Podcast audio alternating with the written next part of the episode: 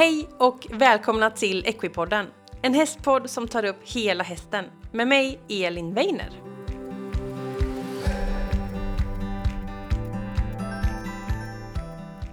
Hej alla Equipodden-lyssnare och välkomna till ett nytt avsnitt av Equipodden. Veckans avsnitt presenteras i samarbete med Smart Planering och Hästdagbok.se. Som jag har berättat innan så är detta ett företag som gör smarta och helt otroliga dagböcker som är utformade för ridsport och hästliv. I dessa böcker kan du på olika sätt följa upp din och din hästs utveckling och, och det finns alltid något för alla. Jag har tidigare avsnitt tagit upp olika böcker och idag tänkte jag ta upp en bok som heter Tävlingsboken. Nu när tävlingssäsongen snart ska dra igång så är det perfekt att införskaffa den här boken. I tävlingsboken kan du sätta upp mål och eh, där samlar du också hur det gick på alla dina tävlingar framöver. Boken kommer hjälpa dig att reflektera hur det gick på tävlingen. Vad var det som gick bra? Vad var det som gick mindre bra? Hur var dagsformen och hur blev resultatet? Jag tycker lite extra om den här boken just för att det är en bok just för tävling. Det blir lätt att eh, man vill kanske jämföra dina resultat och veta hur var känslan på den tävlingen. Och med den här boken då kan man samla allt på ett och samma ställe. Det blir enkelt att se din utveckling och du får också konkret svart på vitt vad du behöver arbeta med för att få bättre resultat i framtiden. Alla smart planeringsböcker är otroligt genomtänkta. Och du som skriver, du får hjälp med hur du ska reflektera för att komma framåt lite granna varje dag. Och det här det är ett helt fantastiskt underlag för utveckling. Vill du veta mer så tipsar jag om att kika in på Smart planering och på hästdagbok.se. Det här finns både som hemsida och på sociala medier så det är bara att söka på. Där kan du se mer exakt hur de olika hemsidorna liksom, ser ut i böckerna och du kan också klicka hem en bok som passar just dig. Och vill du klicka hem en eller flera böcker, då har jag en rabattkod som ger dig 15 och då skriver du in Equipodden i kassan. Men nu till veckans avsnitt och i veckans avsnitt så är det två stycken gäster och det är Lena Gunnarsson och Karina Bondesson. Karina Bondesson är dressyrryttare, är med i förgrupperna till landslaget, eh, B-tränare i dressyr och otroligt erfaren. Lena Gunnarsson är eh, sjukgymnast i botten och arbetar med sitsoptimering. Hon jobbar också med VBR, vertikal balanserad ridning. Och hon har också varit med i Equipodden innan och det är nummer 57 och 68. Och de här två avsnitten det är nog några av de mest lyssnade avsnitten i Equipoddens historia. Eh, tätt efter Per Waller ska jag säga. Eh, så jättepopulära avsnitt och det var så kul och i det här avsnittet då så pratar vi om ryttarens sits. Eh, Lena pratar lite om ryttarens bäcken, vi pratar lite om sadeln, hur ryttaren ska kunna sitta, vi pratar om rörelsecentrum som ska sammanfalla, vi pratar symmetriträning. Och Karina hon pratar mer liksom om den liksom mer praktiska delen när det kommer till vi faktiskt sitter på hästen. Hur gör vi? Vad ska vi göra? Vad gör vi när hästen går rakt fram? När den svänger? När vi rörelser? Hur ska det kännas? När får hästen det här uppåtläget, hållningen och så vidare. Ett otroligt bra avsnitt och eh, det bara sägs bra saker på bra saker på bra saker. Så fram med papper och penna för nu kör vi ett grymt avsnitt med Lena Gunnarsson och Karina Bondesson.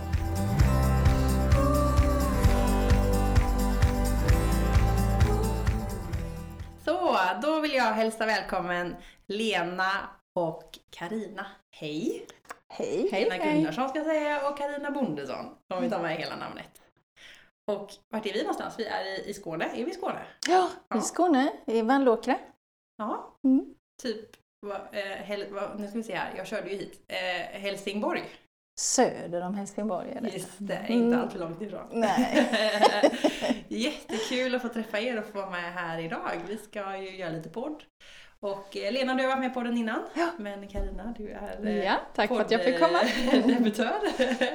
och det här ska bli så spännande för att Lena, du har varit med i två avsnitt innan. Mm. Och eh, då pratade vi om ja, men ryttarens sitt mm. och vi pratat om staden en hel mm. del. Och mm. det är ju faktiskt några av de mest lyssnade avsnitten. Så mm. att vi ska bygga på det helt mm. enkelt idag. Och så har vi med en fantastisk ryttare också. Men eh, jag tänker att ni får presentera er lite själva. Så Lena, du kanske vill börja och berätta lite kort om vem du är och hur du hamnade där du är idag? Eh, vad jag är i livet, ja.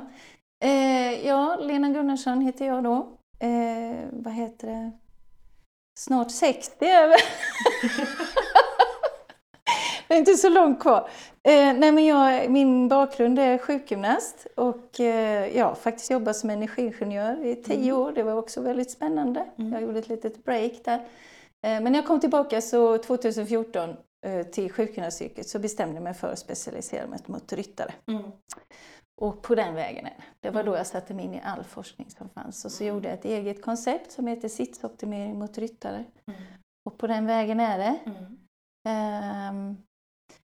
Och det är det jag har pysslat med sedan dess, mer eller mindre. Sen eh, jobbar jag med kurser då. Eh, VBR, vertikal balanserad ridning, som jag har en del i. Och Maria Hallring har en annan del. Mm. Ehm, och sen jobbar jag väldigt mycket med eh, personlig träning och personlig behandling av Mm. ryttare framför allt. Men sen klipper det ju in lite då vanliga ryttare, eller vanliga människor också. Eh, så det kommer också med strida strömmar så. Eh, Men jag jobbar ju helt utanför systemet så att jag, jag är helt min egen då. Mm. Ehm, Ja, det är väl ungefär det. Och som sagt att det, det här området är ju så komplext så att det är ju inte så att man är färdig liksom. Utan eh, jag känner ju att man utvecklas hela tiden. Det finns alltid något bättre sätt att göra saker på. Eh, både mot ryttare men också förstå biomekaniken på hästen och hur man ska träna så energieffektivt och skonsamt som möjligt. För det är ju det det handlar om. Mm. Eh, att både ryttare och häst ska faktiskt tycka att det är roligt att rida. Det är ju ett väldigt bra målsättning tycker Ja. jag. Eh, Det ska vara njutbart. Liksom. Mm. Roligt och härligt. Ja, Mm. och glädjefyllt. Mm. Det är liksom det. det. Är det. Så till dig kan man komma och få hjälp med eh, sin sitt. Ja, och sin kropp Ja. och sin träning och sin... eh, Liksom, oftast är det ju så här att eh, när ryttare kommer till mig så visst, de kommer kanske då för just de tänker på ridningen men de får bonus är ju att hela deras vardag blir mycket lättare. Vet, Mm. De får lära sig ja, men hur hanterar jag min kropp när jag kör bil, när jag sitter på kontoret, när jag jobbar i stallet. Alltså, varen, alltså se varje vardagssyssla som ett sätt till gratisträning. Det är Mm. det som är, tycker jag, min drivkraft. Alltså jag tänk, alltså, saken är den att du blir aldrig bättre ryttare, du blir aldrig mer symmetrisk än den sämsta ställning, vardagsställning du har. För Mm. det är den bittra sanningen. Ja. Så sitter du åtta timmar om dagen eh, och, och sjunker ihop eh, på vänstersidan som väldigt många gör eh, och håller på med musen då och sen tycker man att ja, men nu ska jag rida och så tror man då att man kan vara symmetrisk och då kan jag säga att nej, det kan man glömma. Just det. För att kroppen gör som den brukar göra. Mm. Inte som man vill, Mm. utan då, får man, då måste man träna det. Och den här medvetenheten, alltså kroppsmedvetenheten, är, anser jag, den absolut viktigaste som ryttare. Det är klart att det är jättebra att torgträna och vara stark i bålen och allt det här. Men till syvende och sist så är det min kroppskännedom och min centreringsförmåga som avgör Mm. hur jag kan balansera mig på hästen. Mm. Spännande. Mm. Och Karina, vem är du då? Ja, vem är jag? Eh, Jag heter Karina Bundesson och eh, jag är eh, agronom i botten. Eh, Men kom på att det roligaste jag vet är att rida, så det gäller att utveckla och bli bra på det. Så kommer det här att bli en annan väg och det blir det. Mm. Så att jag jobbar några år på Hushållningssällskapet som rådgivare. Mm, Och det blir mer och mer mot häst. Mm. Så att, men jag tittar ut genom fönstret alla dagar och vill eh, ofta hem till eh, stallet. Jag har ett företag som heter Stall Backbo. Mm. Jag har vidareutbildat mig så jag är B-tränare i dressyr Mm. och jag är medelsför B-domare. Mm. Driver ett, ett utbildningsstall för häst och ryttare. Mm. Utbildar hästar och har väldigt mycket elever. Delvis eh, hemma, eller mest hemma, men också i Umeå faktiskt. Ja. Sen många år ja. tillbaka reser jag en gång i månaden till Umeå. Spännande. Mm, det är det. Lite udda eller så Ah. lång ifrån där du bor. Ja, det blir ett, ett samarbete som har pågått och eh, Kul! mm, jag sålde en häst och sen kom jag med på köpet liksom. Mm. Och, så, och så rider du ju mycket själv och Jag rider väldigt mycket själv så Mm. att jag rider ju nu i, i landslagets grupper då. Mm. Eh, Min Grattis bästa häst. det. Ja, det är jätteroligt. Ja, jag har utbildat ett par hästar upp till Grand Prix. Mm. Eh, De säljs ju tyvärr efterhand kanske, Ja. men, eh, men min a cappella som jag äger ihop med familjen Wessel ska jag behålla så hon får stanna tills Ja. hon Hon kan få, kan få lite föl förhoppningsvis. Jag har lite avel också. Ja. Jag tycker det är väldigt spännande. Det är, liksom, det är en helhet. Försöker jobba hästarna på hästarnas villkor. Mm. Så får det ta hur lång tid det vill. Men målet är ju hela tiden att komma till Grand Prix. Mm. Med alla typ så. Ja. Ja, det är ju en grundförutsättning. Vill de inte och det liksom inte klickar, Mm. då får man ju välja en annan väg Mm. för just den hästen. Mm. Eh, Men det är alltid min vision att vi ska komma dit. Förstår. Kul är att följa liksom från föl och så hela vägen då. Ja, det är en dröm. att Det, se helheten. den visionen har man ju alltid när man ser ett föl. Att Ja. tänka, åh, det är min nästa Grand Prix. Man ser den skutta lite i hagen och bara åh titta! Ja. Helt Ja. fantastiskt. Ja. Ja, jättekul. Och hur träffades ni då? Om man säger så. Eh, nej men eh, vi pratade om det innan. Jo, men det, Carina sökte mig som, för att få hjälp med sin kropp som ryttare. För Mm. ja, det är minst fem år sedan. Mm. Det, jag tror det var en av de, det var när vi var kvar på Landskronavägen där.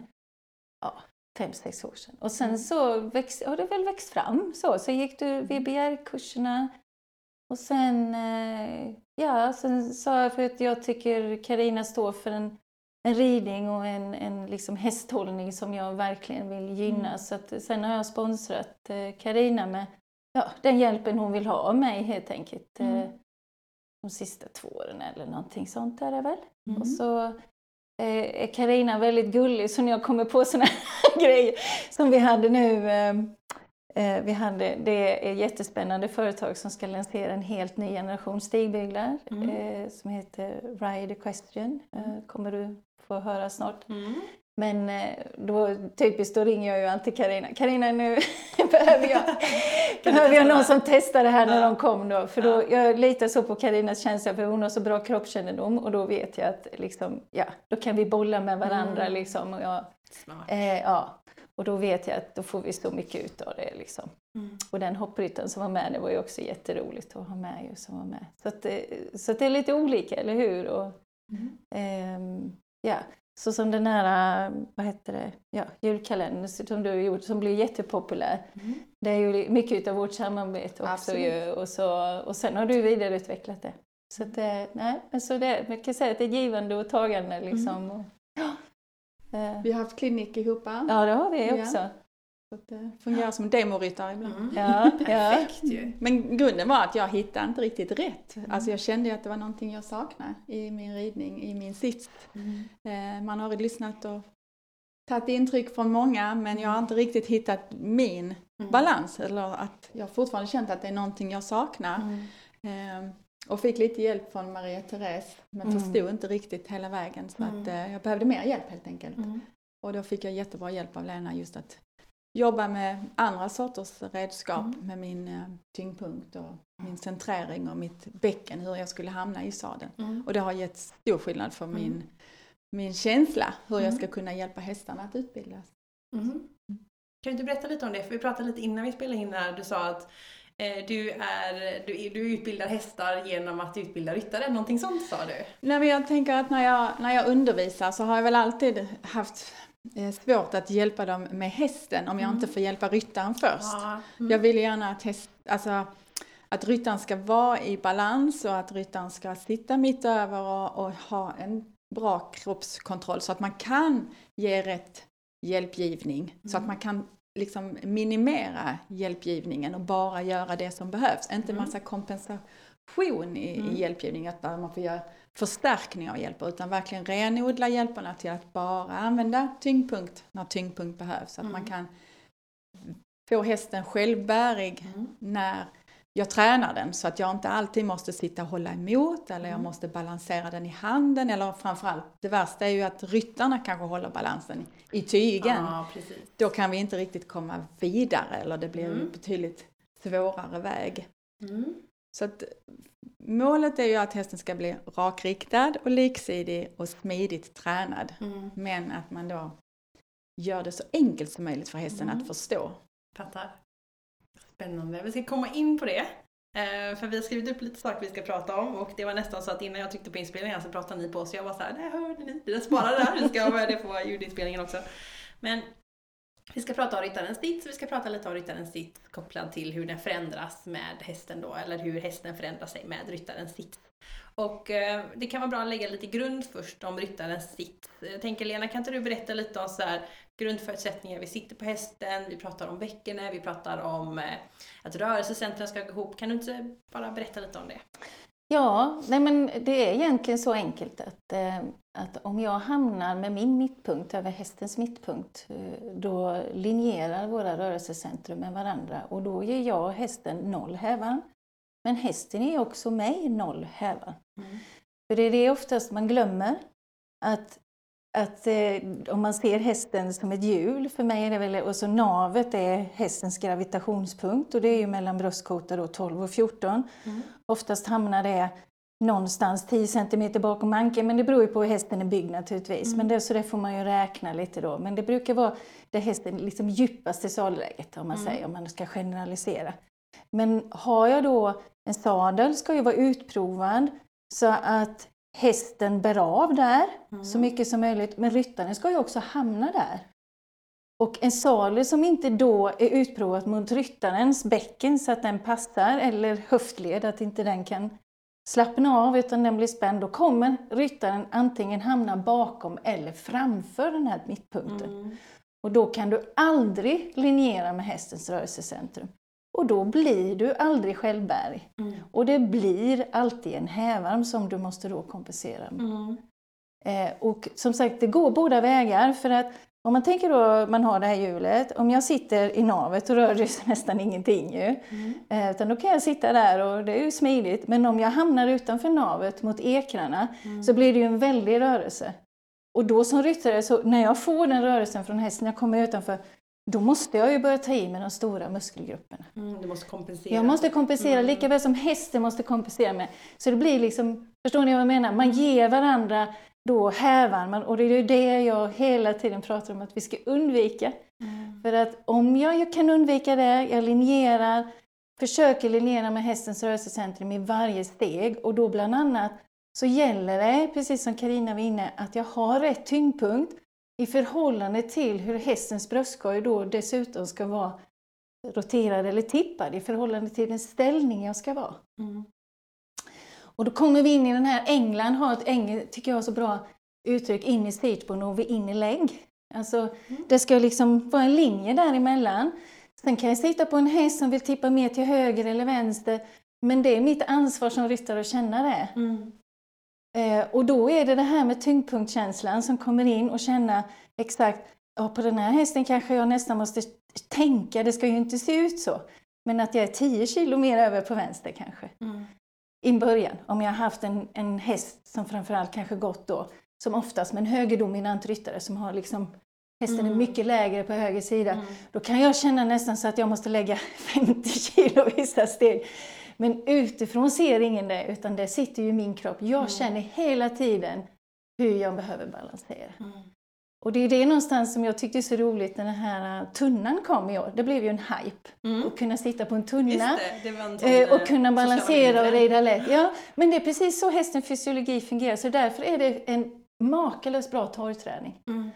Så klarar jag det, då har jag börjat hitta liksom mitten. Mm. Eh, och, och likadant där som jag brukar göra då elakt. Eh, att, eh, men då har jag den här vanliga sadelbocken att man ska faktiskt kunna rida lätt ut med ett ben i taget och kunna vara helt centrerad i bålen. Åh, svårt. Mm, Ja, jättesvårt, men jag brukar säga att det är grunden. Mm. Annars kan du aldrig som hoppryttare hoppa av till exempel och ha lika tryck utan då tar du en höft.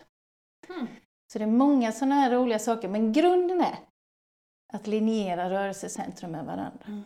Så sitt i mitten oavsett, det är väl ungefär det. Mm. Mm.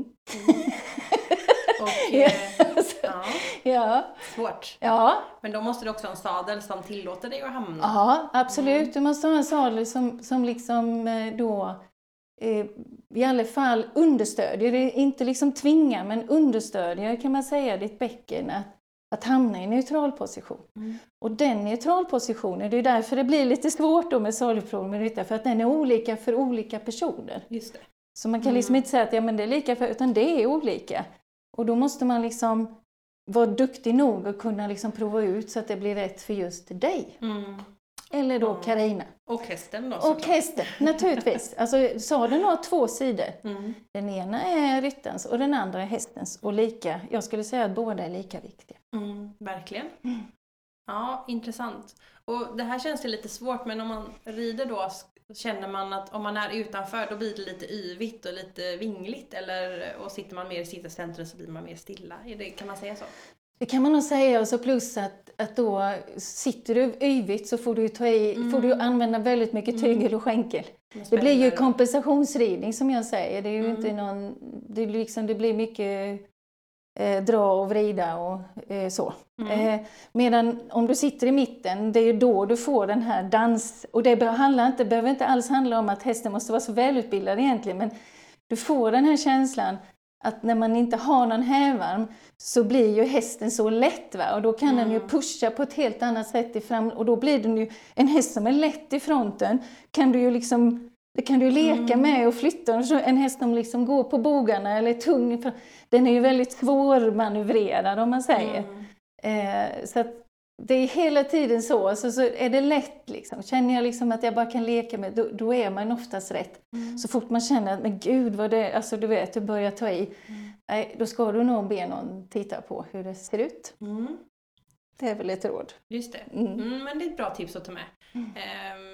Och så tänker man då att okej, jag sitter på, alltså mitt rörelsecenter, det, det vet vi ju, det är ju typ innanför naveln va? Ja, Ungefär. lite ovanför där ja. Och Och, sen eh, om du neråt. tittar på sidan så är det ju då axel, höft och inte häl som det visas utan det, den går ner i fotknölen. Och det är Ja. tyvärr det som avbildas nästan fel överallt. Ja.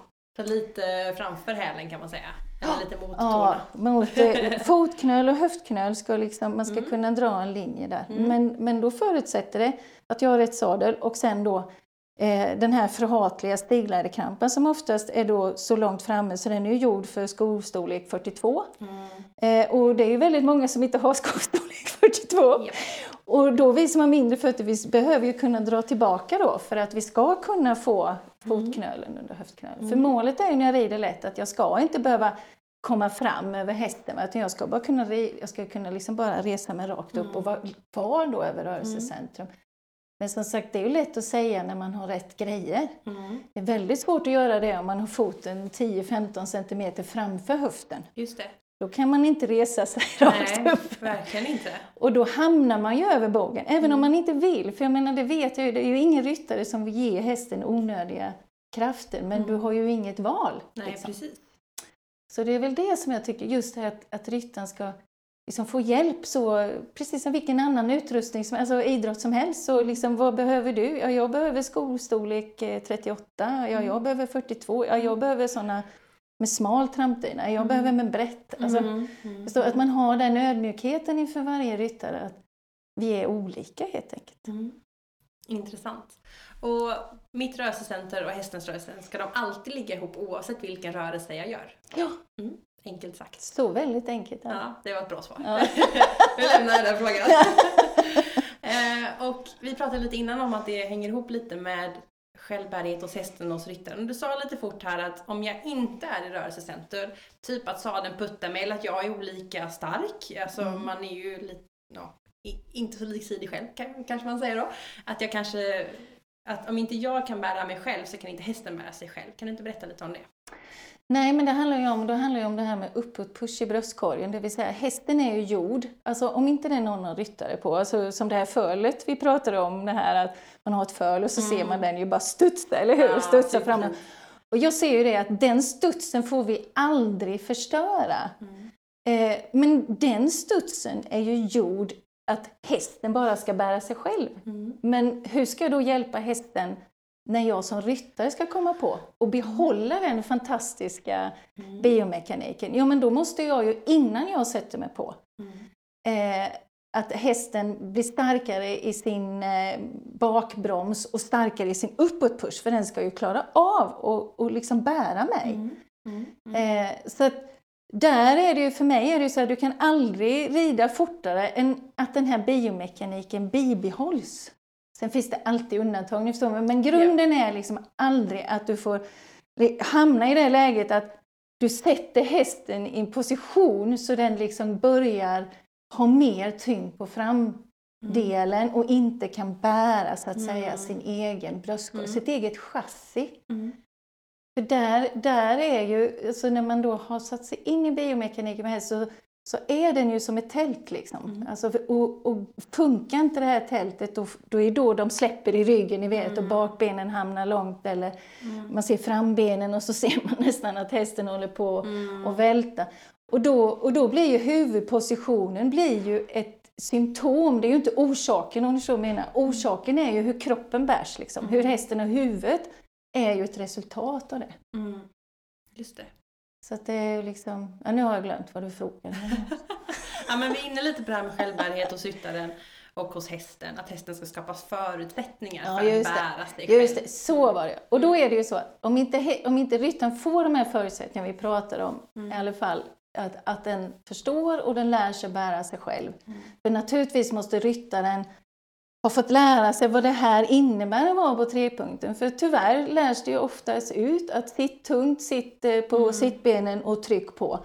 Ja, men då hamnar du ovillkorligen bakom hästens rörelsecentrum. Ja. Och då trycker du ner hästens bogar direkt. Det här är inget som jag bara påstår. Det här gjordes en forskning på alldeles ut. Undrar om inte det var Maria Therese Engel eller var det de här i Nya Zeeland. Kvittsamma. Det har bevisats gång på gång i alla fall. Mm. Så att det du får då, det kan ju se flashigt ut, att de, då får ju hästen rycka upp frambenen. Mm. Men de har, ingen, de har ju ingen uppe den studsar inte utan den rycker ju upp frambenen istället och bogen är nere. Och tittar man då noga bakom sadeln på de här, då ser man alltid en dipp. Så, så mellan bröstkorg och ländrygg på hästen så, så, så blir det en, en, vad säger, extension, alltså en, Ja. en nedåt-dipp för den kan Mm. inte liksom bära upp sig med de undre ryggmusklerna. Mm. Och då hamnar också bakbenen alldeles för långt. Då kan den inte bära, den kan inte hålla emot. Utan häst, hela kraften och då har du ju 600 kilo i handen. Jobbigt. Jättejobbigt. Mm. Eller ja, i alla fall mycket i handen. Och då kan man inte göra en överstrykning utan att hästen... Just det. Nej. Just det. Så att det, så, men grunden är ju, kan inte ryttaren bära sig själv utan hänger i tyglarna, kommer framför eller bakom, då kan inte hästen pusha upp och då kan den inte heller vara självbärig. Så, så enkelt är det. Uppåtpushen är alltid som jag ser det en, en grund för, Mm. och det är min roll som ryttare, för alla hästar är olika, och se hur ska jag hjälpa den här hästen? Liksom. Mm. Och det är där Karina är specialist, det är Mm. inte jag specialist. Precis. Nej. Vi ska dyka in i det alldeles strax. Jag, jag vill bara fråga en fråga till innan just det här med ryttaren. För att innan vi började spela in så pratade vi lite om det här att, att ja, men ryttaren är lite um, oliksidig och man är olika stark. Eh, och eh, du har ett citat från en annan gång du var med i podden, det spelar ingen roll hur mycket plankar du gör, du kommer fortfarande vara lika oliksidig. Eh, jag tänker att vi vill ju göra det bästa och all, jag tror att alla ryttare vill göra det bästa för sin häst. Men hur, hur kan jag upptäcka själv om jag är lite oliksidig och vad ska jag göra då? Nej, men dels är det det om du kan hitta någon som är tillräckligt nördig och analysera dig. Det är Mm. tyvärr inte så många kroppsterapeuter, de tycker oftast good enough. Men det är inte good enough när man rider. Därför att hästen är så pass känslig så man, liksom, man har inte fem kilo hit eller dit. Liksom, Mm. utan eh, man har egentligen ingenting alls skulle jag vilja säga. Mm. Utan att det, det är väldigt mycket millimeter att måste vara i mitten. Så, och det är inte så lätt, det Mm. vet jag. Det är inte så Mm. lätt att hitta någon som är tillräckligt nördig som kan hjälpa. Men det man kan göra själv i sin vardag, det är ju att försöka tänka att vara så symmetrisk som möjligt oavsett om jag kör bil, sitter på kontoret, går eller, var jag, eller i stallet. Jag menar just det här att lära sig mocka från båda håll, lära sig sopa från båda håll. Ja. Alla de här grejerna har betydelse. Så jag kan, jag kan via mitt stallarbete bara, eller hur jag kör bil till exempel. Jag sitter ju aldrig bara och kör bil. Mm. Det skulle ju aldrig falla mig in liksom. Utan när jag sätter mig i bilen, ja men då har jag, då ser jag det. Ja, nu har jag lite gratistid, nu kan jag träna. Jag har till exempel den här, sån här luftkudde, jag nästan alltid sitter i bilen. Och då, då, alla kurvor blir ju jättejobbiga då va. Ja. Det kan vi då, kurvorna vill ju att jag ska falla ut precis som när jag tar en sväng med hästen. Men med den här, det går ju inte för då faller jag ju ner, då måste jag ju hålla emot. Så då får jag ju sån här. Så varenda sån här vardagsgrej räknas för att kroppen gör ju som den brukar och inte som man vill. Så Mm. den, den är ju inte så bara för att du sätter på en häst och säger så här, ja du har suttit snett åtta timmar nu i kontorstolen, nu ska jag sitta rakt. Nej, Nej. Utan då hänger den där skuldran och då viker den där sidan och, och då tycker reptilhjärnan, ja men det här känns ju bra, det här, så här brukar vi ju göra. och då känns ju, och då när, när, man då, om man säger man går in, om jag hjälper en sån ryttare och man börjar med rakrygg, då tycker de ju att de är jättesneda. Mm. Det upplever du säkert också Carina. när man då rättar ryttaren, nu är du rak, nej gud nu är jag väl jättesned. Ja. Och det är ju för att hjärnan har ställt in sig på det. Så mm. ditt raka är inte rakt, mm, utan ditt, ditt raka är snett och mm. sen måste man då lära om. Mm. Och då kan jag säga att spegel är en fantastisk PT. Mm. Så att mitt råd är liksom träna, du håller på att använda spegeln och, och har du inte sån här sträcktröja så skaffa den för den är väldigt bra. Det är inte så lätt att se alla gånger. Mm. Eh, Center Biomechanics har en hel sån webbshop man kan mm. gå igång. Om man, eller om man bara sätter en tejpbit i mm. mitten på en tajt tröja. Men, men, men varenda grej räknas. Så är du i gymmet, håll inte på med bilaterala övningar för då känner du inte. Mm. Utan ta en sida i taget och bestäm dig för att bröstkorgen är i mitten och sen jobbar jag och så känner jag. Mm. Eh, för kör du båda så är det alltid den starka som jobbar mest. Mm. Så då bara, bara liksom Mm. bibehåller du din det. Ja. Just det. Ja. Och fria vikter då, inte maskinerna? Ja, det kan vara maskiner, men man tar bara ett handtag i mm. Alltså det finns ju massa saker man kan göra mm. och så mm. bara säga, men jag hänger den och sen så ska jag mm. kunna vara här i mitten eller nu ska jag kunna dra, jag tar bara en i taget eller benpressen. Jag skulle aldrig få för mig att instruera den med båda. Utan de ska ju ta en i taget för det är ju så då kan jag passa på att vara centrerad i bålen samtidigt som jag trycker från med vänster och så ska jag kunna vara det med höger. Så jag kan liksom, bara jag vet hur jag ska göra så kan jag symmetriträna i allt. Mm. Med den Bra träningen tips. jag har. Liksom. Mm. Att bara smyga in extra medvetenhet? Ja, ja, man smyger in liksom sådär att, eller som till exempel vissa sådana här cross-trainers så är det samma sak. Jag instruerar ju aldrig liksom bara stå där på cross-trainer. Liksom. Utan då får de ju direkt, ja men du får bara ha en hand mm. och så byter du och så ska du kunna vara i mitten och helst ska du och så stundtals då släppa allt och så bara balansera. Mm. Och sen jobba bo, alltså du vet, så man, man har, i varenda grej man gör mm. så har du en, en tanke att hur ska jag kunna få bröstkorgen mer centrerad? Hur ska jag känna av hur mina diagonaler, liksom, att de mm. blir lika starka? Just det, att det hänger ihop. Allting hänger ihop. Mm. Men om jag nu gör det här, jag, jag lyssnar på den här podden och så tänker jag nu ska jag testa det här och mm. så testar jag det i mina massa saker jag gör på dagen mm. och så kände jag att oh, det här var helt omöjligt att göra åt ena hållet och jättelätt åt andra. Mm. Vad ska jag göra då? då? Göra dubbelt åt det svåra hållet. Mm. Det är så enkelt. En period och så ser jag när det blir bättre. Ja, och blir det inte det, utan jag känner att jag kanske får ont eller att det är omöjligt, ja men då, ja. då måste du hitta en kroppsterapeut för det, ja. då har du kanske någon dysfunktion som gör att din reptilhjärna säger så här, nej där, där vägrar jag, jag mm. gör inte, skydda någonting, jag vill mm. inte det liksom. Mm. Och då måste man lyssna på det mm. och, och, vara lite ödmjuk inför det. Mm. Och då behöver man kanske ta hjälp av någon. Mm. Men, men allra flesta gånger så är det ju bara svaghet, ska man mm. komma ihåg. Och, och, att inte ovana. hjärnan, ja, ovana, mm. och hjärnan är inte eh, alltså rälsen ligger men det går inga tåg för att ja, man har inte utnyttjat dem. Företaget. Nej, precis. Behöver skövla lite först. Ja, ja, precis. Man måste liksom smörja upp det lite och så. Ja. Men, men det som är faktiskt eh, fantastiskt är att, att ge inte upp för att man har gjort, det finns det forskning som säger att det tar 14 dagar att och liksom få de här tågen att börja gå. Mm. Så till exempel tycker man det är helt omöjligt då att mocka, för det är ju jättesvårt i början åt fel mm. håll. Och, och, då kan man bestämma sig, jag tar två tag i varje box mm. eller vad man nu bestämmer. Eh, för att inte, man kan ju inte hålla, hela, hålla på hela dagen och mocka liksom. Mm. Men sen efter 14 dagar, då ofta så har man liksom utan att man tänkt så blir det då sex gånger kanske. Ja, just det. För att då börjar det här, alltså helt plötsligt så tycker hjärnan att jo men det här kan jag Kör, det, det, och, kör, och det är likadant, jag är jättenoga med när jag leder hästar, jag leder aldrig bara mot jag leder minst lika mycket på höger sida beroende på hur de är tippade i bröstkorgen. Så jag kan ju liksom rakrikta en häst bara jag går till och från hagen om jag är medveten. Så jag använder ju alla sådana här grejer till det. Mm. Och då, och då är det rätt roligt för när jag började, speciellt, jag menar islandsvärlden har alltid gjort det, men vi som då är skolade i den storhästvärlden, vad ska jag säga, vi har ju ofta, oh, man går på vänster sida och inte. Och jag kommer ihåg först när jag liksom började jobba med hästarna då, gå på höger sida för jag skulle liksom få de här värsta tippade då från marken, börja jobba med dem först då. Så kändes det jättekonstigt för mig. Jag skulle vara dominant i min vän, alltså då ska jag ju kunna liksom visa hästen att men du ska flytta från mig, från mig här. Mm. Men liksom, det var samma sak, det tog det 14 år sen tyckte jag plötsligt det var ju mer bekvämt att gå på mm. hög.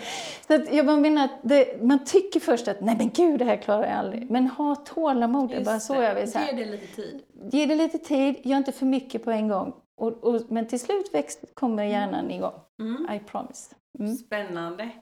Ja, nu har vi lagt lite grund här. Jag mm. tänker att vi får väl eh, komma in lite på det som vi också sa att vi skulle prata om och det är liksom det här hur hästen förändras med ryttaren. Så grunden är att ryttaren behöver vara någorlunda liksidig mm. Eh, och vi har hittat vägar för att eh, känna igen vart vi inte är det och vägar att arbeta mot mer liksidighet nu. Vi vill också att ryttarens rörelsecentrum ska sammanfalla med hästen så att vi kan vara självbäriga och är jag självbärig kan hästen bli självbärig. Typ, typ det har vi sagt, eller håller ni med? Ja, absolut. Och rida är ju rätt svårt och det kan vara lite vingligt och minsta lilla jag gör, hästarna är så känsliga va? så de kommer att ändra sig ganska mycket. Så liksom att bara skritta rakt fram eller gå på volt, alltså det händer så mycket. Jag vet inte, Karina kan inte du bara resonera lite kring hur hästen och ryttaren hänger ihop när vi börjar göra saker med dem liksom? Ja, jag tänker ju när jag börjar med en ryttare att mm. eh, att de, om de hittar balansen i halt mm. och har en, att hästen kan hitta sin hållning i halt mm. och att den kan stå med en, eh, en god kontakt mm. Eh, så att den inte redan där har svårt att hålla sin balans när ryttaren mm. sitter på. Och sen utifrån det kan vi ta oss ett steg i taget mm. framåt. Då brukar det liksom kännas när det tippas på något håll mm. eller hästen tappar balansen i mm. framvikt eller vill rädda sig med sin hals. Mm. Det blir ju ett motstånd mm. som vi absolut inte vill ha. Eh, vi vill inte dra tillbaka och vi vill inte balansera i handen utan mm. då får man börja om liksom, tills man kan ta sig ett steg i taget, tills man kommer in, in i den gångart man vill eller den, det tempot man vill som är anpassat till hästen. Att den håller sin takt och att den håller sitt tempo och mm. håller sin balans. Mm. Det vill säga sin hållning. För kan hästen ha sin hållning när jag har min hållning, då, då har vi hittat en bra balans. Det. Om det sen då utökas till att jag rider den sidvärts eller jag rider den på volt så vill jag liksom fortfarande ha den här balansen. Mm. Men då måste jag ju som ryttare sitta i rörelseriktningen mm. med rätt tyngdpunkt för att den ska böja sig lagom på en volt. Mm. Eller för att den ska flytta sig åt sidan så vill jag också att jag, ibland måste jag gå lite före hästen så att den följer efter mig. Mm. Fattar. Ja, men, men ändå inte överdriva Nej, såklart precis. utan återigen hitta en, en jämvikt mm. när hästen rör sig, vare sig framåt eller åt sidan eller på det böjda spåret. Just det. Och om man börjar rakt fram skritt. Typ. Ja. Eller, ja. Man kanske vågar trava lite, jag vet ja. inte. Men hur ska det kännas då? Ska jag ha lika mycket i båda fötterna? Hur ska det kännas i handen? Alltså, hur sitter jag rätt? Alltså jag har en väldigt fin eftergift i handen. Mm. Det är ju målbilden. Mm. Det är ju mm. inte att jag balanserar hästen. Inte tungt liksom. Nej, det ska mm. inte vara tungt utan det ska ju bara precis, precis vara en kontakt som accepteras. Men inte ett stöd där hästen balanserar i mm. tygen. Mm. Sen vill jag inte ha tvärtom heller, att den bara släpper och inte vågar. För då har den ju inte heller fått håller sin hållning och kan slappna av i sin hals. Halsen mm. är för mig en, en parameter som visar om hästen är avspänd. Mm. Då håller den sin hals i naturlig hållning. Mm. Är den strätig eller den är liksom spänner sin hals eller den dyker, det är ju sätt för den att undan fly kontakt. Mm. Mm. Jag måste ju få den att acceptera kontakt. Mm. Det är en förutsättning för att vi ska kunna utbilda hästen. Precis. Precis, och det har man ju känt någon gång när det har varit för lite och för mycket. Ja, liksom. och sen som ryttare så tycker jag något som är väldigt, har gett mig väldigt bra eh, känsla för när jag är i mitten är ju dels att få den här kroppskontrollen och veta var jag är sned och vad jag måste tänka på mm. och referera till min spegel och mm. träna. Så är det också att mina fötter hamnar plan till stigbyglarna, mm. att jag får ett tryck på mina, där mina trampdynor hade mm. suttit, där har jag mina sensorer. Mm. Så att jag verkligen har foten lite på den bredaste delen och mm. därmed kan tangera stigbygeln på rätt sätt. Mm. Och känna att jag har lika mycket i båda eh, fötterna. Mm. Så att jag, en, en viss del av min vikt, kanske 30% av benens vikt, ligger i stigbyglarna. Resten fångas ju upp i sadeln. precis. Eh, ja. ja. Och där har jag ju en hävstång så att vill jag att hästen ska gå lite till vänster så lägger jag tyngdpunkten lite, lite, lite med, med mina revben till vänster mm. så att mm. säga. och på så vis kan få hästen att, att gå rakt fram. För om, om min häst väljer att starta lite åt höger så måste jag ju hjälpa den vad som är rakt så att den är som i en kanal under mig. Just det. Och du behöver vara lite fristående från hästen då känns det som. Jag måste, kunna- jag måste kunna agera för att hjälpa Ja. hästen. Eh, det, det, och det ju väldigt tydligt på en ung häst. Så att Ja. är man ganska ovan i sin kropp och, och inte har en bra balans, då kanske man inte ska välja en ung häst som Just också har dålig balans. Utan Mm. då får man ju helt klart, man ska ha häst efter, don efter person. Så att säga. Mm. Det är, det är lite, lite som om jag backar med släp så ser man att där åker det ut lite, då får man ju svänga ut lite där. Ja. Det är lite samma Ja, med jag kan inte bara följa med hästen var den vill gå för då, Mm. då kommer jag inte kunna påverka den och hjälpa den till att bli Mm. liksidigt tränad. Mm. Låter rätt svårt. Men eh, man får väl träna på det. Ja, det blir ju Ja. ett system. Ja, alltså det, det går inte att rida utan. När man väl har lärt sig att hästen ska vara i den här kanalen Mm. och rak under en så, så måste vi ehm, det är svårt att gå ifrån det då, Mm. för då, då känns det verkligen som att man Precis. tappar balansen själv och då Mm. blir det hela havet stormar. För hävstången blir ju högre ju högre Just upp det. jag sitter då. Just det. Och gör jag en stor rörelse, måste hästen i en ännu stor rörelse och så Ja. är man i Då är vi cirkel. Okej, så rakt fram, så det ska kännas liksom så. Och volt är ju, jobbar vi ju ganska mycket med. Mm. Hur ska det kännas på volten då? ja men det är precis samma sak. Alltså, Mm. Jag brukar ha ett, ett, en bra måttstock för mig är att där halsen eller där manken kommer ut från sadeln, Mm. har, jag lika mycket, har jag lika mycket på båda sidor Mm. så har jag ju fortfarande hästen i balans även Mm. om jag rider på ett böjt spår. Mm. Men om ena, liksom, om ena, jag har väldigt mycket mer muskulatur på ena sidan och hästen kanske lägger huvudet på sned eller Mm. att jag förböjer hästen är ju Mm. väldigt vanligt att, att folk gör på, på en volt till Mm. exempel. Mm. Det krävs inte särskilt mycket böjning för att gå på en 20 meters volt utan det är ju bara det lilla jag sitter i tyngdpunkten rätt, i rätt varv så att Mm. säga. Ehm, Då böjer sig hästen naturligt. Mm. Jag, det är inte jag som behöver aktivt böja hästen utan det gör jag med min tyngdpunkt. Mm.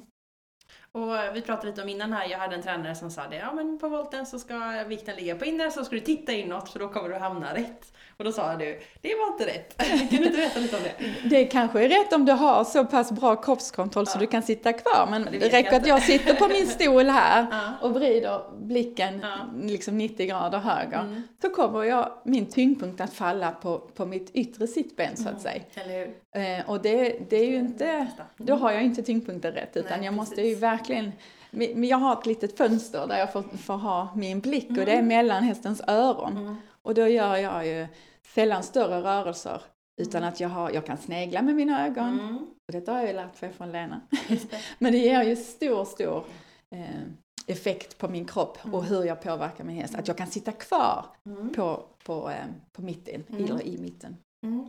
Så att jag tänker, även om jag bara vrider huvudet så händer det mycket i kroppen liksom. Ja, det, man känner det bara man Mm. sitter på en stol. Mm. Så att, eh, Medvetenheten. Ja. ja. ett, och det är också intressant, man kan ställa två vågar och, Mm. och eh, ha lika mycket vikt på båda när man står på mitten. Mm. Och det räcker att man tittar lite eller vrider sig lite med axlarna så, så ger det stort utslag på, Mm. på den sidan ja. Helt man otroligt. står. Ja, det, är- Ja. det är mycket större. Man blir väldigt medveten när man ser tyngdfördelningen Mm. på, på vågarna. Det, de ljuger inte utan de... Nej. Mm. Och Så det är lätt eh, när man sitter på att man tänker att ja, men det här är hästen eller det här är så eller att det går ju ganska fort va? Man kommer ganska långt på ganska kort tid Ja. när hästen omtravar iväg eller sådär. Eh, Men gör vi det på marken så blir det väldigt tydligt. Ja. Men om du får en elev, en, en som hamnar snett då Ja, säger vi, ja. hamnar kanske på utsidan. Vad, vad händer hos hästen då? Vad ser man hos hästen? Alltså den roterar ju i, i, i, samma, i samma anda som, Ja. som ryttaren så att Ja. säga eftersom man påverkar så pass mycket med, med sittbenen. Dagens hästar är ju ganska känsliga. Så det blir ju ofta att bakdelen faller ut eller Mm. att den lutar sina bogar inåt Mm. eller den lägger som sagt att den får ett litet S i kroppen Mm. för att kompensera. Ehm, och det är ju synd för då, då får ju ryttaren göra så mycket kompensatoriska hjälper Mhm. istället för att skala av och bara göra de som verkligen behövs. Mm. Så för att få den här effektiva ridningen eller den energieffektiva ridningen så vill Mm. jag ju göra så lite som möjligt och inte behöva trycka och klämma och hålla Mm. Lite här och var. För Mm. det, det blir aldrig trevligt varken för ryttare eller häst. Mm. Och det är svårt för hästen att sortera vad det är vi verkligen vill. Ja precis, det blir så mycket signaler. Det blir för många signaler. Ja. Och om jag hamnar i det läget då, att det är mycket signaler, jag känner att jag får trycka och jag får kämpa, jag får kanske kramp i armen, jag vet inte. Och, och så tänker jag så här, nej det här vill jag inte göra. vad ska jag göra? Ska jag bara släppa? Kommer hästen svänga eller kommer den gå upp med huvudet? Vad, vad händer liksom? Ja, man får ju ha lite tålamod. Alltså, man måste ju skapa en framåtbjudning, absolut. Mm. Utan det är det ju svårt att utbilda en dressyrhäst. Yeah. Så det måste ju ha den här rörelseglädjen framåt. Och mm. ju mindre jag hindrar den, mm. ju mer bjudning får den ju såklart. Mm. Och vill gå framåt. Och det måste man ju premiera.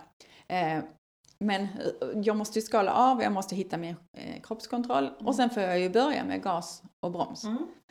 Så att jag verkligen får hästen att kunna som Lena sa, lite bakbromsa, mm. det vill mm. säga ta halvhalter där jag mm. inte liksom måste eh, Tar den inte en halvhalt så får jag ju bryta av och göra en starkare signal att vi ska mm. tillbaka.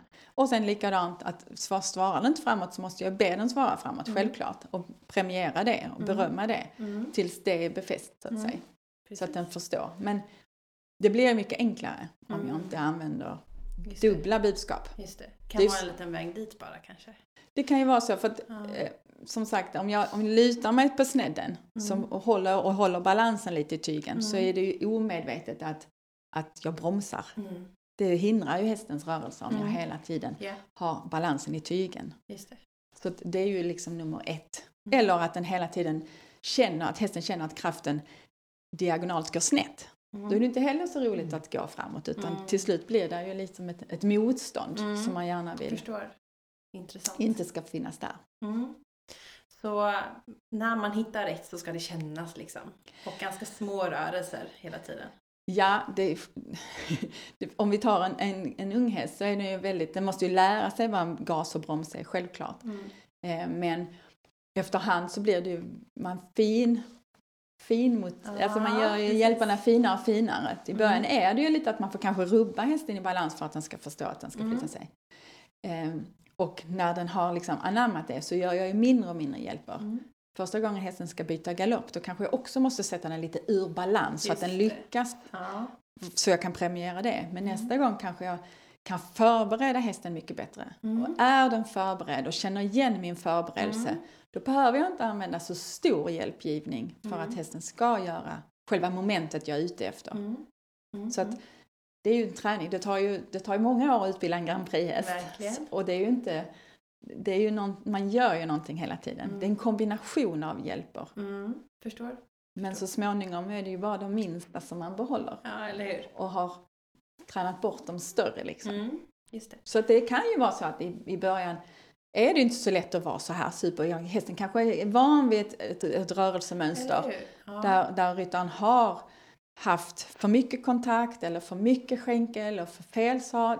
Ja, mm. en obalans. Och då kan det ju såklart ta tid att hitta mm. tillbaka till, till de här små hjälperna. Men mm. målbilden är det. Just det. Och det är också då det blir vackert att titta på. Mm, precis. Ja, men jag tror att det kan vara bra att tänka på också för att har man ridit på ett visst sätt och sen lärt sig eller säg att man tagit över en häst. Mm. Man har köpt en häst och den har blivit riden på ett visst sätt och så kommer man och ska göra det här på ett annat... Det blir ett helt nytt språk. Ja det är det. Men det känns när hästen är i balans och man själv är i balans då känner man ju att mm. här är den här kanalen, den här mm. koncentrationen, den här fokusen på att man är faktiskt på väg rakt fram. Mm. Även om man gör en sidvattsrörelse, mm. även om man gör en, är på böjt spår, så är rakriktningen där. Mm. Och då blir ju kraften mm. uppåtriktad och framåtriktad om jag släpper fram. Just det. Ja, det är lite, det är lite jobb dit alltså. Men, eh, men rakt fram lika mycket och så volten då, då vill vi ha lite mer på insidan. Alltså, det är dina revben igen. Ja, ja, ja, ja, ja, för jag automatiskt så, så ja. går jag, måste jag liksom sitta med hästen så att jag inte kommer efter rörelsen. Mm. För redan då är jag ju lite efter. Så mm. ska jag gå igenom ett hörn eller jag ska gå in på en, på en volt så förbereder jag hästen mm. eh, så att jag har rätt balans att den bär av mm. så att jag kan ha den lätt i framdelen när jag vill vända. Mm. Men också då hjälper jag ju den genom min tyngdpunkt. Att jag sätter mig lite, lite, lite åt det håll jag vill vända. Ja, och då följer hästen mig. Mm. Jag kan ju inte överdriva, jag kan ju inte luta mig, liksom luta mig inåt. Mm. Utan då blir det alldeles för stor hjälp. Utan det mm. handlar ju bara precis om den här, beroende på hur mycket jag vill svänga och jag vill att hästen ska följa. Så har den ju rätt förutsättning att rotera som jag vill. Just det. Och som sagt också hästens utbildningsnivå och, Absolut. och allt. Liksom. Absolut. Unghästar kanske man går i en sväng. Ja, den gör betydligt större yta när den Ja. svänger. Ja, Men den, följ, den lär sig redan tidigt att följa mig. eller hur? Så att jag slipper dra i tygen utan Mm. att den Mm. följer min Spännande. tyngdpunkt. Det Ja. låter härligt i alla fall att rida så. Men okej, så volten har vi pratat lite om. Jag tänkte att vi har fler rörelser för att eh, det är kanske ett tråkigt ridpass att bara gå rakt fram och sen svänga på en volt utan vi kanske vill göra lite saker också. Vi har en lit, nu, nu lämnar vi unghästen nu då, Ja. så lite mer utbildad häst. Eh, Vi flyttar ju hästarna mycket. Vi kanske gör skänkelvikning i den öppna eller någonting. Vi flyttar dem mycket. Hur ska jag tänka på min tyngdpunkt och hur ska jag sitta då? Alltså hästen, hästen det, det är precis samma. Mm. det, det, man börjar ju inte med en, en perfekt skänkelvikning men jag lär ju hästen flytta sig för min tyngdpunkt Mm. och sen fånga upp så att den balanserar rakt. Och sen Mm. flyttar jag den och sen balanserar jag av den. Mm. Så till slut så, så blir det ett, ett flow, en följd. Mm. Den följer, följer min tygel som jag visar Mm. att den vill eller att den ska följa. Linjen sätter, sätter jag ofta med min, min kontakt. Men sen är det ju min tyngdpunkt och att jag lägger på min yttre vad till exempel Mm. om jag vill att hästen ska flytta sig. Jag lägger på vänster vad om jag vill att hästen ska flytta sig till höger. Mm. Ehm, och sen är det som sagt en kombination av hjäl- hjälper. Ska jag göra en öppna eller en sluta när jag har böjning, då är det ju ännu viktigare att jag sitter i tyngdpunkten Mm. i rörelseriktning för att Mm. hästen ska både få böjningen och gå undan för min yttre vad eller mitt yttre tryck så att säga. Mm. Mm. Men återigen så sitter jag rätt så blir det ganska naturligt Mm. att den följer efter mig. Mm. Just det. Ja, Men det är en kombination av hjälper jag också. Men tyngdpunkten är det viktigaste. Mm. Att du är i detsamma hela tiden. Liksom. Mm. Ja, att jag, är liksom, att jag har min kroppsmedvetenhet vad jag vill ha. Vrider jag mig, då påverkar liksom mina sittben påverkar bakbenen. Mm. Och då blir det obalans om jag inte låter dem gå i den riktning jag vill. Spännande. Jag sitter där och rör mig lite eller och känner efter. Ja, superintressant. Men du tränar ju också mycket eh, ryttare som kommer till dig Karina. Mm. Och, eh, vad är de vanligaste problemen du ser? Vart brukar ni få börja? Liksom, om du kommer en helt ny. Det, men det, det är alla, har, alla är individer Mm. och man är ju alltid anpassad efter sin häst. Mm. Så att det gäller ju att, alltså, jag lämnar inte utbildningsskalan utan det viktiga för mig är att hästen har, har rätt förutsättningar, att den är fräsch och att den är Mm. frisk och att den kan röra sig i takt. Och att Mm. ryttaren också accepterar. Mm. För rider ryttaren hela tiden lite för fort till exempel så Mm. kan ju hästen aldrig hitta sin självbärighet eller sin balans Mm. för då, då är den ju alltid liksom i, i, då, den, då måste den rädda sig. Mm. Antingen spänna sin hals eller att den springer i ett, i ett övertempo Mm. för att ryttaren hela tiden försöker jaga den för att få en bättre känsla. Så att ofta får vi liksom gå igenom utbildningsskalan eller att man hittar rätt takt i rätt Mm. gångart. Mm. Eh, och sen att hästen och ryttaren, eh, att ryttaren lär sig eh, tyngdpunktsridning så att säga. Mm. Att den förstår hur man ska tänka. Mm. Och att den också vågar släppa efter. Mm. Det viktigaste är inte att hästen är på tygel det första den gör, utan det är ju det här att den accepterar kontakten, den hittar sin balans när häst och ryttare eh, vågar släppa den kontrollen Mm. från tygen så att Mm. säga, där man gär- gärna vill ha, ha eh, känslan. Mm. Känslan ska ju bara fångas upp i handen, det är bara en sensor. Och sen ska resten, någonting annat i ryttarens kropp ska förmedla vad man vill att hästen ska göra. Handen måste känna, i min värld måste hästen ge en, en ärlig kontakt eller en, Mm. ett, liksom en känsla som man Mm. får i handen. Mm. Så att jag också känner, vad är det, vart är vi på väg? Mm. Liksom, får jag ett motstånd i handen? Ja men då måste jag omvärdera min kropp. Vad, vad behöver jag göra? Behöver jag öka drivningen? Behöver Mm. jag hjälpa den med balansen? Behöver jag stämma av med en halv halt i Mm. min kropp? Eller behöver jag, ja, Mm. den behöver hjälp. Om någonting känns konstigt i handen så måste jag agera, men inte med handen utan Mm. då är det bara min sensor. Just det. Så jag känner någonting och så ska jag göra något med min kropp och Ja. inte... Inte kompensera med handen utan det är, Precis, det är inte ett åt, det är liksom, jag kan inte göra någonting åt det med handen. Det är ju Mm. bara hästens mun jag kommunicerar med men det Mm. ger mig en känsla vad jag ska göra Mm. annorlunda. Det kan vara att jag måste trycka lite mer med höger vad för att inverka på höger bak. Det kan Mm. vara att jag måste liksom sätta mig mer till vänster så att hästen inte börjar liksom ramla iväg åt höger. Jag är Mm. väldigt, väldigt noga med att jag vet vart jag är på väg. Mhm. Det är hög nivå av nörderi här känner Ja, jag. det är nördigt, det är nördigt. Men det är det som är ridning, det är det som är så häftigt. Det Det, är är så otroligt svårt man måste vara så frikopplad fast det är ju, samtidigt sitter man på någonting som väger rätt mycket, rätt stort och det rör sig liksom. Så ska jag vara helt fri från det, det är ju jättesvårt. Ja, men det ger ju, det ger ju en ärlig känsla när det är rätt. Det är inte Mm. någonting jag håller fast. Mm. Vi sa att hästen, det är många som tror att oh, hästen tappar min, sin, eh, sin form. Mm. Det ser inte bra ut om hästen Mm. går över tygel. Mm. Men det är ju inte värt någonting om jag måste hålla fast det. Just det. Det är ju känslan när jag kan ge det ifrån och att jag hittar det igen. Mm. Det är ju liksom då det ger en fantastisk känsla och då det också är korrekt. Just det. Det pratas ju mycket om just hästens huvudposition, framförallt i dressyren. Eh, för några veckor sedan så var det ju med en eh, reining-tränare i västern och han sa just det att det var så intressant att i västernvärlden så finns inte den diskussionen om huvudets position. Och det tyckte jag var lite intressant. Eh, och du kom ju också lite in på det här att huvudpositionen är kanske inte det viktigaste för att om jag måste hålla dit hästen för att gå i en viss silhuett kanske man kan säga, så blir det ändå inte värt. Eller? Vad Alltså, I min värld är ju hästens hals, det är ju någonting den balanserar med. Mm. Tar jag bort balansen så får jag ett problem bak till. Mm. För då, då döljer jag ju det för att jag håller fast Mm. hästens huvudposition. Mm. Men om jag vågar släppa det ifrån mig och känna vad jag ska göra för att träna hästen i dens kropp så att den Mm. hittar en bra balans, då kommer jag också få en naturlig huvudposition. Och med hästens utbildningsnivå så kommer den bli mer bärig, mer Mm. eftergiven och mer få en naturlig hållning där jag också kan möta kontakten utan att hålla fast men få den här känslan som Mm. är korrekt. Så eh, dressyrens mål är ju att hästen ska gå med en avspänd Mm. självbärig hals med en fin kontakt. Mm. Som, det ska ju inte synas vilka hjälper vi ger. Det. Men det blir ju väldigt svårt om jag håller fast min häst. För då måste jag ju agera, då, då har jag en spänning någonstans. Just det.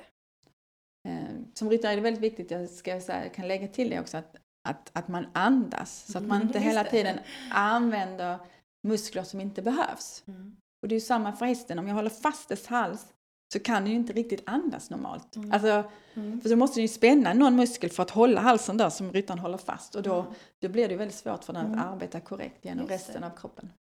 Jätteintressant eh, synpunkt faktiskt. Och jag tror att eh, jag tror när man har lyssnat på det här så är det mycket eh, kanske mycket aha-upplevelser för många och också väldigt svårt och så sitter man hemma nu och lyssnar och så tänker man jaha, hur ska jag lyckas med det här då? Eh, och jag förstår ju då att om jag frågar er båda här nu, vad, vad ska vi göra åt det? Så säger ni säkert man behöver ta hjälp. Men eh, hur ska jag vända mig? Var ska jag börja om jag tycker att det här låter så bra, jag vill det här och jag ser att jag gör det här, jag känner att jag inte är symmetrisk, jag känner att jag sitter fel. Hur ska jag göra? Var ska jag börja? Jag vet inte, vi kanske släpper in Lena lite igen. Ja, nej men det, det är en svår fråga. Mm. Alltså jag får ju de här frågorna ofta och då eh, så blir det ju så här att ja, det får bli en webblektion för det är inte så Mm. lätt att hitta. Nej. Ehm, det är ju, ja, det är lite tråkigt, men liksom det här med vi är, ju som, vi är ju för fokuserade vid huvudpositionen istället för hästens balans. Och det har, Mm. väl blivit, alltså, och det har blivit skämmigt att ja, kröker inte hästen på nacken så kan vi inte rida. Om Ja. Alltså lite så Mm. va. Och då blir det väldigt mycket fokus i handen istället för den här balansen. Och, och det är klart, hitta en tränare som då inte är inne på det, utan är inne på Karinas spår. Att det är självbärighet, alltså, hästen kan få faktiskt se ut som kamel ett tag tills, Mm. den, tills den gör rätt med kroppen. Och då, det är precis som Karina säger, för det är så fantastiskt, för då kommer den här galet vackra halsen fram, även på de här hästarna som man tänker så här, ja det där kommer nog inte se. Men när den väl kommer upp och kommer, så kan den helt plötsligt, den där man tänkte att, ja hur, hur ska det, så kan den till och med också bli vacker. Men det, precis, det blir en ärlig Mm. och, och just det här att tänka hållning istället för form. Det är Mm. två, alltså hållning det är ju det här upp, att du vet den här stolta hästen som Mm. står där. Form, då är det helt plötsligt det här runda, lite liksom Mm. komprimerade med kraft för mig är det. Men hållning det är liksom, då, då står den där stolt med den här vackra halsen som ska vara bredast här och konformad Mm. och liksom. Eh, men, men som sagt, det, det är inte så lätt. Alltså det, det är inte det, utan vill jag, vill jag liksom mot den här ridningen eh, så, så eh, ja, vad ska man råda den till Karina? Det, det Ja, det, finns det finns ju bra ridning. Vi kan ju titta Ja. på många förebilder som rider på, på ett fantastiskt sätt. Mm. Och det finns ju så tillgång över hela nätet att Mm. man kan söka efter bra ridning. Men det ska ju vara, det ska ju vara ändamålsenligt. Det ska ju vara att det ju, vi, vi tränar ju våra hästar. Mm. Och det gäller ju att få dem hållbara. Mm. Så att de Mm. kan röra sig och ha den rörelseglädjen. Så de som inte vill får ju göra någonting annat helt Mm. enkelt. Man får också tänka så.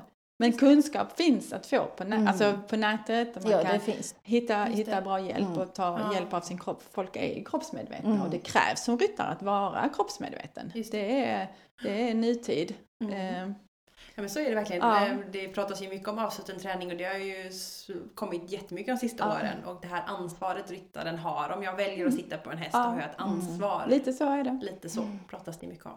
Det är intressant. Mm. Ja, vad intressant. Nu har vi pratat nästan en timme. Tiden går så otroligt fort när man har roligt. Ehm, Men vi kokar ju ner till samma saker helt Mm. enkelt. Att vi behöver som ryttare dels ha en sadel som hjälper mig så att jag kan Mm. hamna i rätt Mm. position och att jag ska sitta där. Och sen är det mycket träning då. eh, Om man tittar på, på din sida. Liksom att eh, ja, lära sig helt enkelt när det är rätt och hur jag mycket jag ska flytta mig och sådär i sadeln för att kompensera, eller hur? Mm. Mm. Och, Ja, eh, och hur extremt små, alltså hur lite det är, alltså den här, det här med bröstkorgen, det tog jag ju, alltså när jag hade nördat så kom jag fram till, ja men det här, eftersom det här är tyngst mm. och det här är längst ut från rörelsecentrum, så det är så extremt lite, ingen ser ju när Carina, Mm. alltså, du, man, alltså det är ju, om jag bara tänker där så känner jag att jag har lagt fem kilo mer nu på Mm. vänster sida. Det är knappt någon, om någon skulle titta på mig bakifrån så skulle de ju knappt se att jag har Mm. gjort det. Mm. Eh, men, men det är klart att det är en väldigt stor skillnad mot att använda det, mot att tänka att jag, ja. Eh, så, så, men- har man lärt sig det här så är det så då, då finns ju ingen väg tillbaka för man bara liksom, åh! det, och så hästen och så bara, tjut, tjut, tjut, och sen, istället för att man då känner att ah, jag var lite fel där i hörnan och sen har jag inte känt det som ryttare och så känner jag bara, åh, vad den sitter fast i vänster, för det är den vanliga. Ja, men då tar jag lite till. Och så får jag Mm. banka som Sören med min höger ytter då, för jag får ju inte runt hästen och hästen flyter ut. Mm. Eh, istället från då att jag, om jag kommer och är rakt och så kanske jag känner en häst så här, nej den är inte riktigt, den är fortfarande lite, ja då vet jag det. Ja, jag får lägga fem, jag får, får liksom tänka lite till ändå så att den tippar rätt innan jag kommer in i hörnet. För att jag kan inte göra det när jag gör rörelsen. Just det. Jag måste, liksom, det är precis, jag måste ha en förberedelse. Jag vet precis att ja, men nu ska jag gå in och göra den slutan vänster. Nej, men då kan jag inte sitta på utsidan innan utan jag måste ha förberett att hästen har tippat. Där är den och nu kan jag bara göra. Mm. Nu, följ, nu bara liksom flyter den. Mm. Så jag kan liksom inte komma på det efteråt om man säger så. Eh, utan då får jag istället gå ur rörelsen och börja om. Liksom. Och där får ju det här förbereda en ny nivå. Ja. För tittar man sådär lite klassisk ridlära är ju typ, du ska förbereda hästen ge en halvhalt. Eller hur? Ja, det räcker inte bara till det. Det är ju en förutsättning att hästen är i balans. Men jag måste ju ha satt mig rätt. För om jag ska gå in i en öppna så måste jag ju ha den här eftergiften Mm. i, i, i bålen. Mm. Och det ska ju vara från nos till svans. Det ska Mm. ju inte bara vara i halsen utan den måste ju verkligen bära mig Mm. där också. Mm. Så att jag måste ju sätta mig redan i hörnet, Mm. i ingången och vara på rätt plats. Precis. Sen när jag lägger på mitt, mitt vadtryck Mm. så får jag hästen att gå undan. Mm, precis. Och lite som vi sa här att det är hästen som ändrar sig efter ryttaren, inte att ryttaren ska ändra sig efter hästen. Det är också en sån här kärnpunkt. Ja men fantastiskt hörni. Jag tror Mm. att det är dags att börja runda av. Mm. Men jag tänker så här, en sista fråga Mm. till er båda. Om man ska ge ett tips, eller ta två kanske, man kan få två om man vill, eh, till en ryttare för att bli bättre. Mm. Om man liksom, oavsett vart jag är, jag vill bli lite bättre. Två tips eller ett tips. Vem vill börja? Jag kan börja. Lena börjar. Eh, liksidig träning i vardagen om du Mm. inte har någon annan möjlighet. Bli medveten. Och det andra är, om om jag, inte, om jag tycker det är svårt att hitta tränare så, börja mycket med enhandsfattning i ridning. Mm. Det är då, du, oftast är det så att högerdominanta ryttare mår bäst av att ta enhandsfattning vänster i början. Men det, Mm. kanske, det finns även de som har tvärtom. Du kanske har tyngdpunkten, nej, du vek till vänster. Så det, Mm, det är för dig är det också, för dig är det också vänster. Men, men man, man kan börja leka med det. Ja. Eh, och då kommer man också bort ifrån i hjärnan att man inte bryr sig så mycket om vad hästen har i huvudet. Utan då blir det faktiskt att hjärnan tar mer plats i att känna hur du har balans med kroppen. Mm. För händerna, det vet vi, det tar redan mycket plats i hjärnan. Det vet man ju liksom hur fysiologin är. Har jag då det här också att, som då vi, att det, det är fint när hästen kröker på nacken. Tar jag bort det, Mm. då får hjärnan mycket, mycket mer plats att känna var är jag i mitten på hästen. Mm. Så det är mitt bästa råd. Har jag ingenting annat så börja rida enhandsfart. Mm. Och symmetriträning var. Och symmetriträning. var. Mycket bra tips. Ja, Carina, vad har du för tips? Nej, det är samma egentligen. Lär känna din kropp. Mm. Lär känna din häst. Mm. Hur den vill vara och försök träna den till hur du vill att den ska vara. Mm. Så att eh, välj rätt väg liksom. Mm. Har du tänkt rida rakt fram så hjälp hästen att ta sig rakt fram. Mm. Rid inte så fort så att, du, så att du kompenserar med fart utan att du faktiskt kan göra, ta ett steg i taget i den gångart du är. Mm. Eh, svårt att Svårt att toppa de tipsen. Ja. Men att din utrustning passar dig. Ja, Så att du inte precis. sitter och får ont för att du rider i fel sadel eller att du Mm. måste spänna dig så därmed inte kan inverka rätt. Mm. Utan, utan att du vet hur din kropp fungerar och du har rätt utrustning så att du kan påverka utan att spänna dig eller att hästen behöver spänna emot. Superbra tips. Och tyckte man det här var intressant och vill komma i kontakt med någon av er, hur gör man då? Vi börjar hos Lena. Har du Instagram till exempel? Eh, ja, det har Och jag. Facebook? Ja, jag har alltihopa och eh, annars kan man gå in på hemsidan Mm. eh, equestrianfysio.se. Mm. Och det heter samma på både Facebook och Ja, Instagram, ja. Equestrian Physio. Eh, same. Bra, Ja. enkelt. Enkelt, ja. Just det. Och där kan man kontakta dig och där finns ju de här webbkurserna också som du pratade om. På hemsidan finns eh, de flesta webbkurserna som ligger öppna Mm. där. Mm. Eller om man behöver hjälp. Eller om man behöver hjälp. Mm. Mm. Och Karina, Instagram vet jag. Ja, stallbackbo. Mm. Och ehm, annars, jag finns på Ridesam. Mm. Och, Precis, eh, för lite träningar Ja, ja. Om man, digitalt. Ja. Superbra. Och eh, vi kan ju tipsa också om, du nämnde lite fort här att, eh, att det fanns en eh, julkalender också. Och eh, nu, nu är det ju januari när man lyssnar på det här då, men eh, den, den är faktiskt, du skrev ju väldigt mycket. Och väldigt mycket av det vi har pratat om finns ju där och lite filmer och sådär på hur hästen ändrar sig och sådär. Eh, Så det är ett tips också. Precis. På Instagram fanns den. Mm. Ja men härligt hörni, då får vi runda av så säger jag stort tack för att ni ville vara med i Equipodden. Tack, Tack så mycket själv. att du fick vara med.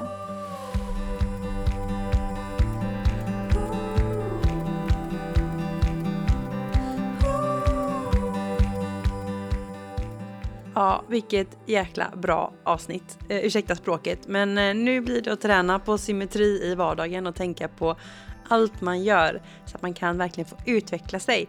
Och jag kände igen mig jättemycket i det som vi sa här och vad vi pratade om och det är så intressant tycker jag.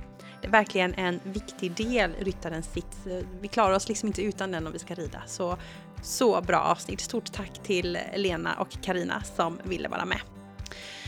Gå gärna in och kika på Equipoddens sociala medier för där dyker det upp eh, ännu fler saker från podden och det är Instagram och Facebook som gäller. Och eh, när du nu har lyssnat på det här så får du också jättegärna lämna ett omdöme. Om man lyssnar på Spotify eller till exempel i iTunes, eh, Apple Podcaster så kan man lämna lite stjärnor och också ett omdöme. Så gör gärna det så att fler kan hitta till podden. Det skulle göra mig väldigt, väldigt glad. Nästa vecka då byter vi tema för då är det hoppning som gäller när eh, A-tränaren Sofie Oskarsson Helsing gästar podden och vi pratar såklart hoppning och eh, massa spännande saker. Så missa inte det nästa vecka. Och så länge så får ni ha en fantastisk vecka. Hoppas ni får lite sol och har det så bra så länge. Hej då!